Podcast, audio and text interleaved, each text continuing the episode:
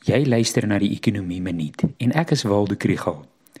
Een van die inkrimpings wat uitgestaan het in gister se tweede kwartaal BBP syfers is die 7,7% inkrimping in die landbousektor.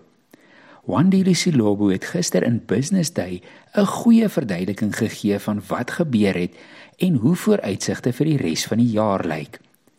Die eerste ding om te onthou is dat groei of inkrimping bereken word in vergelyking met 'n vorige periode.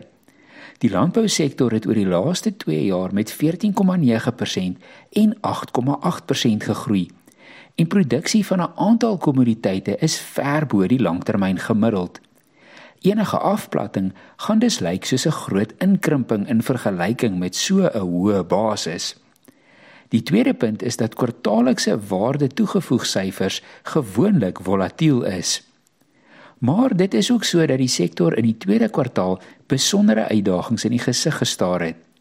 Sojabone, sonneblomme en verskillende soorte vrugte het goed gevaar, maar mielieproduksie was laer as gevolg van baie goeie reën. Back and closure en die stygende koste van voer het die lewende hawebedryf aan bande gelê. Verskillende uitvoerders het gelei onder infrastruktuuruitdagings en fitosanitêre vereistes.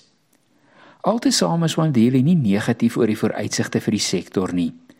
'n Goeie somerreenseisoen word voorspel en daar is 'n groot poging aan die gang om back and closure hok te slaan. Hy is ook positief oor die potensiaal van die landbou en agro-verwerking meesterplan.